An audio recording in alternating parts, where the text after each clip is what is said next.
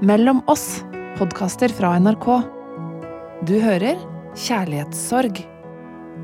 Med en gang du går inn og slipper liksom eh, Som de sier i Buddy, med favorittfilm Aksel Hennie, blant annet, og, ja, så sier jo Aksel sånn Du må slippe keeperen. Ja, tørre å gå, spille med begge hendene. Og det handler om det. Du må tørre å spille med begge hendene. Du gjør deg sårbar. Eh, men det er det som er så fint, da. Jeg vet ikke hvor mye du har spilt ishockeyspill, men der styrer man spillerne på banen med å dra i spaker. Én spak for hver spiller. Hvis man alltid har den ene hånda på keeperen, så er det ikke så lett å få pucken i mål hos det andre laget. Og i denne historien er pucken kjærligheten. Jeg heter Silje Nordnes, og det her er femte og siste episode i denne serien om kjærlighetssorg. Tida har gått, og nå skal jeg møte Julie, Henriette og Martin igjen. I mellomtida har jeg sittet her og hørt historiene deres om og om igjen. Det har rørt opp mine egne minner og følelser, og jeg føler meg litt ambivalent. Er det mulig å få troa på kjærligheten igjen? Og tør å kaste seg uti det på nytt. Derfor er jeg veldig spent når jeg skal møte Henriette. Det er fire måneder siden vi snakka sist, og jeg lurer veldig på hvordan hun har det nå. Um, jeg har det egentlig veldig, veldig bra. Jeg har det bedre nå enn det jeg har hatt på en veldig god stund. Nå føler jeg på en måte at jeg finner litt, litt meg selv igjen, på en måte. Det er kanskje litt klisjé å si, men uh, det er veldig deilig. Det blir jeg så glad for å høre. For sist gang jeg snakka med Henriette, var det elleve dager siden det hadde blitt slutt med kjæresten. Da så vi et opptak hun hadde gjort dagen etter bruddet.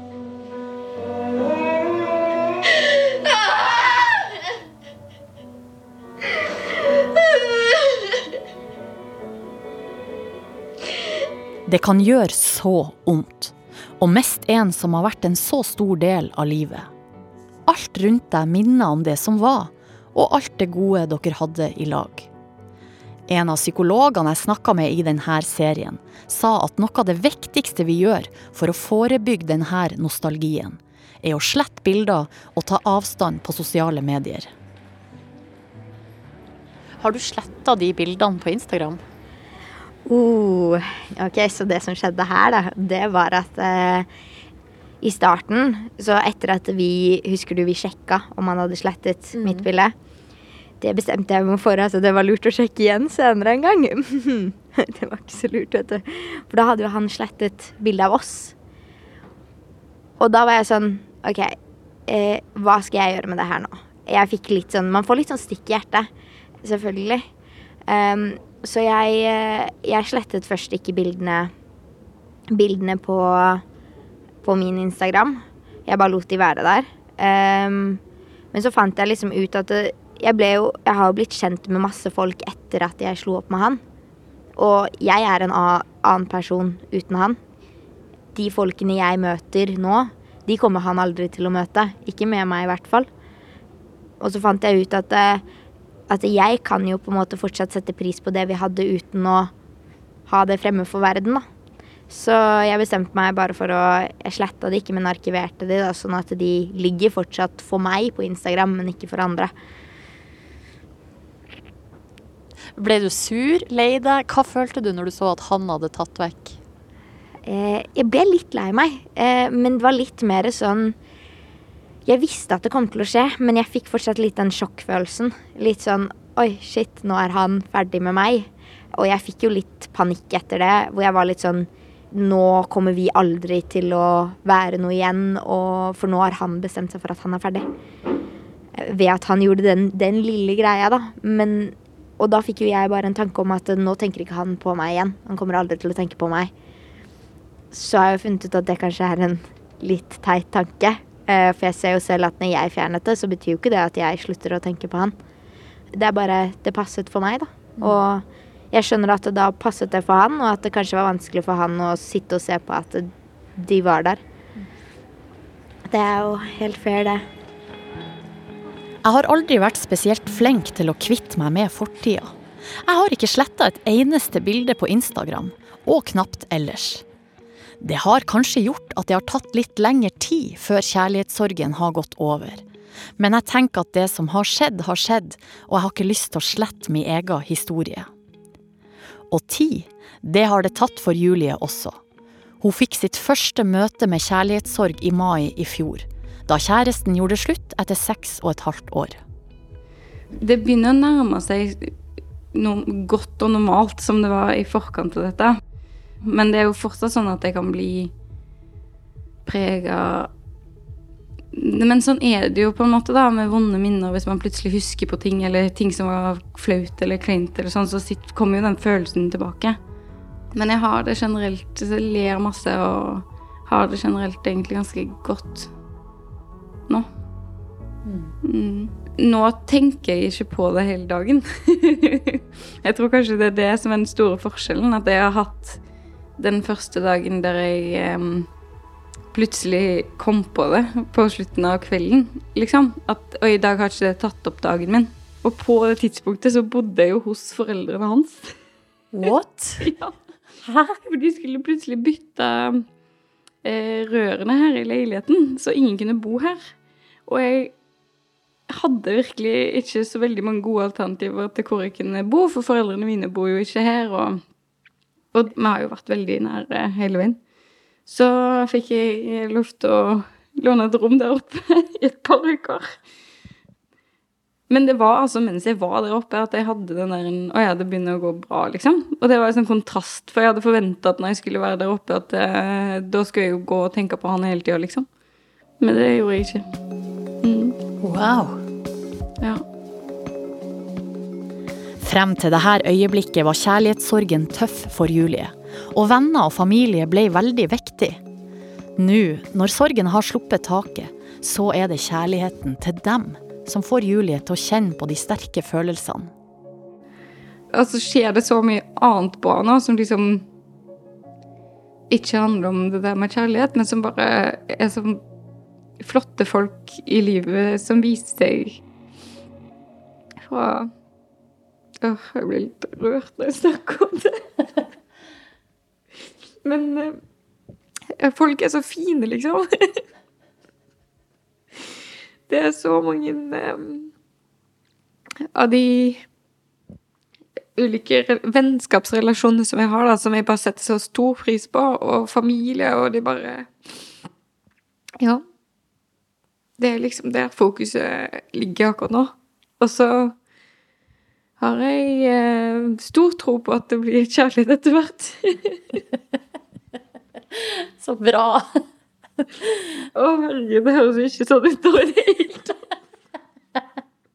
Jeg får så dårlig samvittighet når jeg kommer hit og får deg til å gråte. Nei, men det er ikke noe farlig. Nei, det er ikke farlig. Faktisk. Nei, det er det virkelig ikke. Å gråte, altså. Mm. Men si meg, Julie, har du begynt å høre på musikk igjen? Ja. Nå hører jeg på musikk hele tida. Konstant. Og så kan jeg fortsatt få litt sånn reaksjoner på musikk. Av og til så kan jeg føle det var den sangen som satte i gang det minnet, som gjorde at jeg ble litt trist. Men jeg følte jeg har kontroll over det nå, så jeg lar det bare komme, liksom. Og så blir jeg ferdig med det.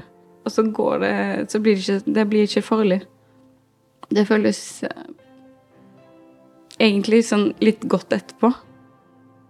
Fordi at jeg går den der runden inn i mitt eget hode der jeg ble litt sånn Det minnet var vondt, men det, så skjedde det, og så skjedde det, og så var det jo sånn det skulle konkludere. Altså jeg går liksom en sånn her en eh, rasjonaliseringsrunde i eget hode, da. Som jeg tror tror er bra. Mm. Føles bra, i hvert fall. Du prosesserer. Mm.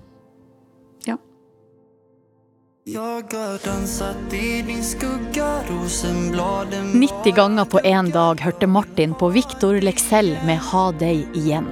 har Han hadde gjort det slutt med kjæresten sin etter sju år, men angra. I forrige episode hørte du at han gikk og venta på at eksen skulle bestemme seg. Vil han ta Martin tilbake? Jeg vil ha Men du, Martin, hvordan er det med dere to nå? Nei, nå er vi jo eh, sammen igjen, da. Det er jo Åh. Ja, som er helt fantastisk. Det er Nå er det Nå er vi sammen igjen. Og det fineste er at vi flytter sammen også. Når er det han flytta inn, da? Nei, jeg flytter ikke. Han flytter ikke inn her. Skal dere flytte sammen? En annen plass? Annen plass. Vi skal, vi skal flytte sammen. Vi skal flytte sammen. Mm. Det stråler av det. Ja. ja, ja, jeg gleder meg. Nå er det liksom Åh, nå, nå kjenner jeg liksom at uh, det er sånn en brikke på plass, da. Og så er det jo liksom Fordi man har fått kontroll på andre livet òg, så får man mer sånn ro. Så man uh, Så da blir liksom ikke det Da blir sånn små problemer blir ikke noe store lenger. Det er sånn Nei, OK. Ja, ja. Jeg har grått et halvt år, jeg, folkens. Dette er ikke noe problem for meg, skjønner du. Det gjør at man Ja. Men uh, man må jobbe hver dag, da, likevel. Men er du litt nyforelska igjen? Ja, det er jeg. Det vil jeg si. Men jeg er nyforelska med et hint av uh, Jeg er ikke hodestups nyforelska. Jeg er nyforelska med den følelsen av at uh, eh, Altså, du kjenner at du er her nå, da. Det er en helt annen følelse. Så jeg, når man er forelska, så er man litt sånn tid og sted der borte. Men nå er jeg forelska, men, men er her. Og det er litt deilig å kjenne litt på den. Så Um, for deg som er for deg, Til deg som kjenner at, uh, at du venter på den store kjærligheten og sånn, uh, så, så, er det så Det er egentlig ganske fantastisk. så Er det verdt det? ja, det er det det er. Det er verdt det. Martin har valgt å slippe keeperen og spille med begge hendene i kjærlighetens ishockeyspill. Og det har jeg bestandig gjort. Jeg har forelska meg og kasta meg inn i det med hodet og hjertet først. Igjen og igjen og igjen. Og igjen. Men noe har forandra seg. Det har gått to år siden siste brudd, og nå er jeg ikke engang med og spiller. Psykologspesialist Pål Christensen sier at det er ikke sikkert man blir helt seg sjøl igjen. Jeg syns veldig mye av det handler om å akseptere litt at Eller godta litt at dette gjør noe med. Altså, kanskje man har litt urealistiske forventninger også til at man skal At ting skal bli akkurat som før, eller at man skal bli akkurat som før. Eller øh, kanskje det ikke blir helt som før. Kanskje, det ikke, kanskje man, blir, øh, man forandrer seg jo på et vis. Man kan skal si, vokse på det på noen måter, men man kan også bli mer sårbar på andre måter.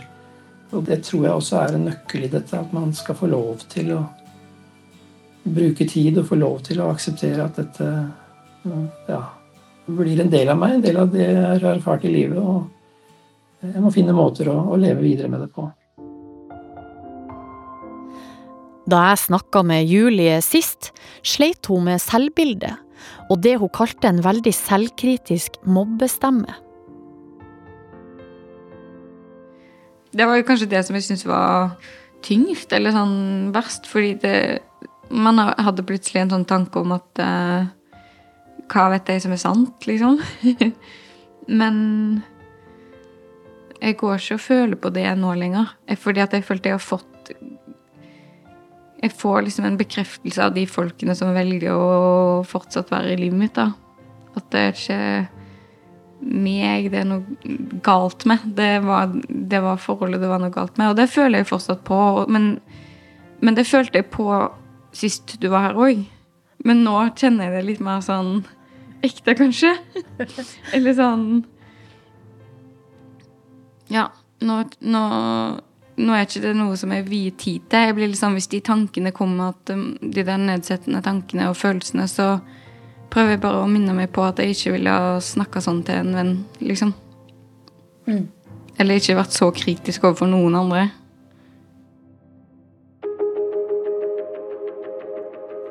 Jeg tror kanskje at jeg alltid kommer til å være selvkritisk. Og noen ganger lurer jeg på, og er litt redd for, at det kan hindre meg fra å komme videre og finne ekte kjærlighet. Det tror ikke psykologspesialist Anniken. Jeg syns jeg ofte hører at eh, før man kan elske andre, så må man elske seg selv, og man må klare seg selv, og så tenker jeg som psykolog, så tenker jeg, jeg vet ikke om jeg er så enig i det. Jeg tenker at vi er helt, helt avhengig av andre. Fra vi er født til vi dør, så trenger vi andre. Vi trenger tilhørighet. Det er da vi har det best, når vi hører til et sted. Men jeg lurer jo på om jeg tidligere har gått videre for raskt. Eh, sånn at nå sitter jeg her og på en måte egentlig prosesserer ikke bare én, men også litt de andre. Eh, så hvordan vet man det? Når, når er man klar til å gå videre? Det, er, det kommer jo an på, som vanlig. Det er psykologsvaret til alt, dessverre. Men det er ikke så lett å vite. Um, vanlig, vanligvis så kjenner man jo at man er klar til å gå videre fordi man begynner å reorientere seg litt. Plutselig legger man merke til en annen som var litt interessant. Og så er vel noen av oss satt sammen sånn at vi kanskje lett blir forelska i noen andre, og så havner man kanskje litt raskt over i noe annet uten at man egentlig tenkte at kanskje jeg burde ha prosessert noe annet først. Men jeg tror at, tror at eh, jeg tror igjen det, viktigste er å tenke hva trenger jeg? Hvordan har jeg det nå? Hva Hvis jeg nå kommer på at kanskje burde jeg rydda litt i skapene mine, altså psykologisk, så gjør jeg det, da. Ok, kanskje det var nå det var tidspunktet i mitt liv for å ta litt tak i dette. Og så begynne å rydde litt i det. Og så trenger vi ikke å være så strenge med oss sjøl om at ja, det burde jeg ha gjort før, og det er så lett at vi, så lett at vi skal kritisere oss sjøl for ting vi burde ha gjort. Det er jo Da er det bedre å bruke den kraften til å tenke ok, men nå er jeg her. Nå skal jeg se litt på dette. Kanskje jeg trenger å feie og lufte litt. Da skal jeg gjøre det nå. I lag med våre tre hovedpersoner, Henriette, Julie og Martin, har vi feid og lufta her i snart fem episoder. Og 21 år gamle Henriette fikk seg en positiv overraskelse i bilen en dag.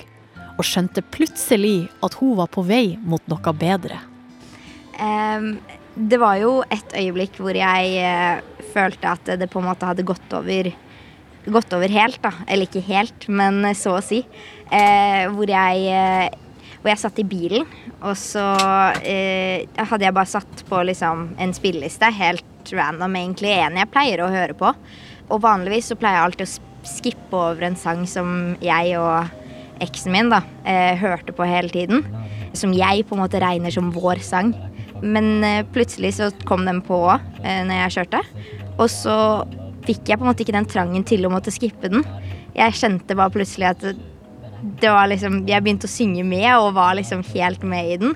Og så liksom tilbake på ting som en positiv greie, og tenkte egentlig ikke noe kjipt over det i det hele tatt. Um, og det var, det var kjempedeilig. Og etter det så har jeg hørt den flere ganger, og det er på en måte Nå er det min sang igjen, da. Henriette sin sang. ja. Hvilken sang var det? Em, det, ok, Dette det høres kanskje litt klisjé ut. Jeg vet ikke om, jeg regner med at du ikke har hørt den, men det er en sang som heter 'Love Bug'. Som er Den er Det er en god sang, altså. Den, den er bra. Og nå deler du den ikke med noen. Nå deler jeg den ikke med noen, og jeg kommer aldri til å dele den med noen igjen. det har jeg bestemt meg for. We can ride some bikes, eat some ice cream, or listen to some Google, but it's up to you. Før det her øyeblikket i bilen tenkte Henriette at det var ikke verdt å ta sjansen på å forelske seg igjen, siden det gjorde så vondt da det ble slutt. Men nå som jeg på en måte har kommet over den smerten litt og skjønt at det, det var ikke verdens undergang, så har jeg jo på en måte innsett at den følelsen av ny forelskelse er jo den beste følelsen i verden. Det er jo helt krise, men det er bare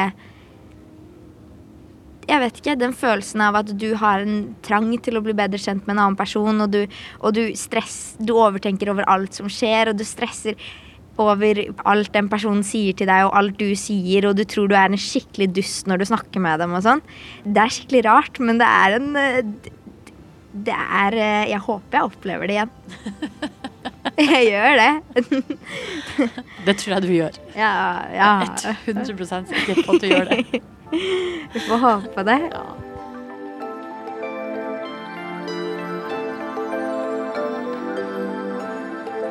Martin er på en måte nyforelska igjen.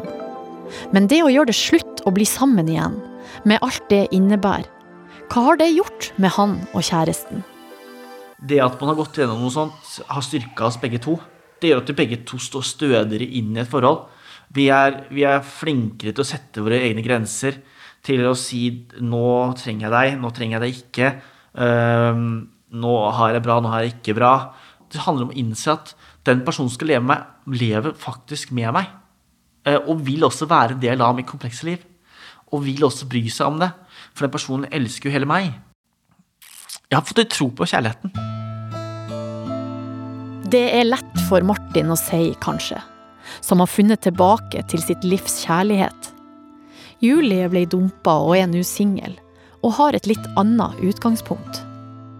Jeg eh, har jo fortsatt troen på kjærligheten.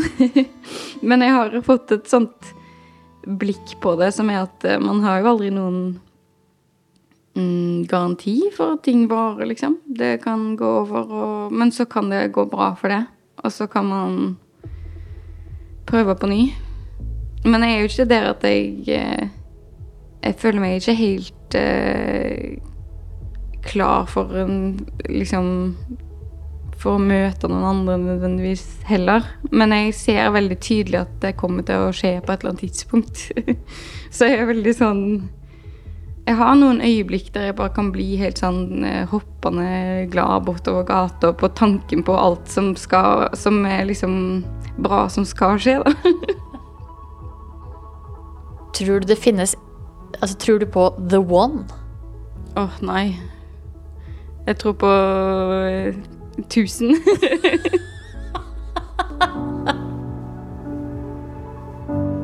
One of the most fucked up things the universe will ever do to you is let you meet the right person at the wrong time. Say something, I'm giving up on you. Det her er lyden fra en video jeg har sett i 18 ulike versjoner på TikTok. Jeg har hørt venner si det, og jeg har sagt det sjøl, flere ganger. Det var rett person, men feil tidspunkt. Jeg spør psykologspesialist Anniken. Men var det den rette hvis det var feil tidspunkt? Den kan jo ikke ha vært det, da. Den var jo ikke det. Nei. Nei, og det er litt, det er litt godt. Det er veldig godt. Da var det sånn det ble, ikke sant? Ja. Det var ikke den rette. Det var den du møtte da. Ikke sant? Mm. Ja, og det, men noen ganger så er det liksom Det, det er den derre Det kan gjøre vondt å erkjenne det. At man trodde at noen var den rette. Mm. Og, og investerte så mye. Man burde jo skjønt det. Men den, det var jo den rette da. Ikke sant? Det var jo det rette tidspunktet da å møtes. Og så var det, da var det andre faktorer som gjorde at det ikke var tilstrekkelig for resten av livet.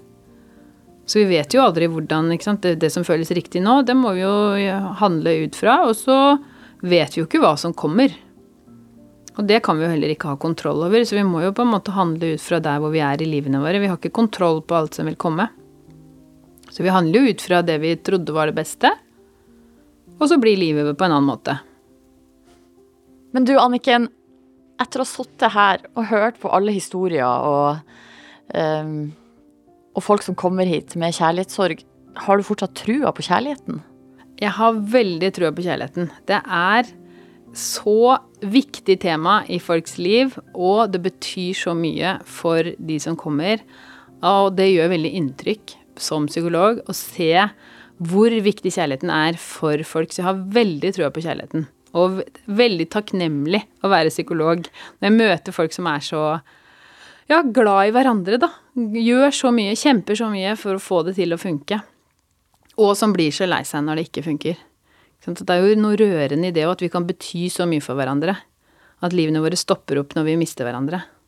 Det gjør jo veldig inntrykk, det, og det sier jo noe om hvor viktig kjærligheten er for oss.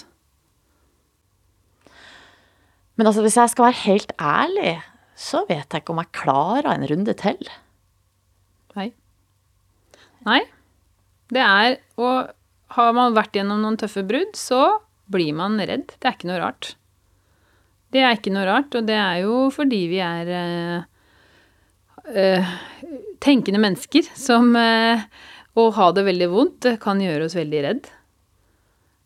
Så det er ikke noe rart å bli redd for framtida når man har opplevd noe tøft.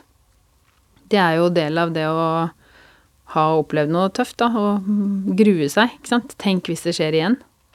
Vi blir jo skremt når vi opplever noe som sårer oss veldig, fordi det er så vondt. Men syns du jeg burde kaste meg på inn i dansen igjen? Det høres jo ut som du har hatt stor glede av å være forelska også, og at det har hatt eh, en viktig rolle i livet ditt, og at du har hatt stor glede av det. Ja, det er jo sant. Hvis du er en som har vært mye forelska, så er jo sjansen ganske stor for at du vil bli det igjen, tenker jeg.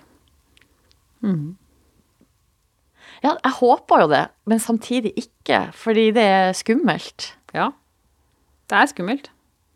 Kjærligheten er jo et veldig skummelt prosjekt. Livet er jo risikabelt. Du skjønner det, og særlig hvis du har med deg noen brudd i bagasjen, så er det skummelt. Ja, det er dritskummelt. ja. Jeg har jo en veldig tro på at eh, det fins mye godt liv der ute for eh, alle oss som ja, fortsatt eh, tør å håpe på kjærligheten, da.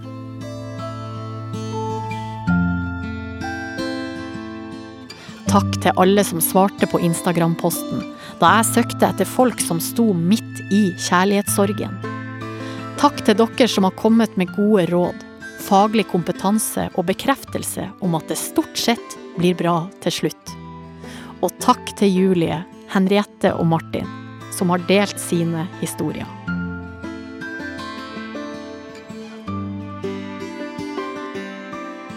Serien Kjærlighetssorg er laga av meg, Silje Nordnes. Produsenter har vært Line Alsaker og Thomas Aune. Lyddesign av Merete Antonsen. Musikken er spesialkomponert av Einar K. Five. Redaktør er Ida Jevne. Du har hørt en podkast fra NRK. De nyeste episodene hører du først i appen NRK Radio.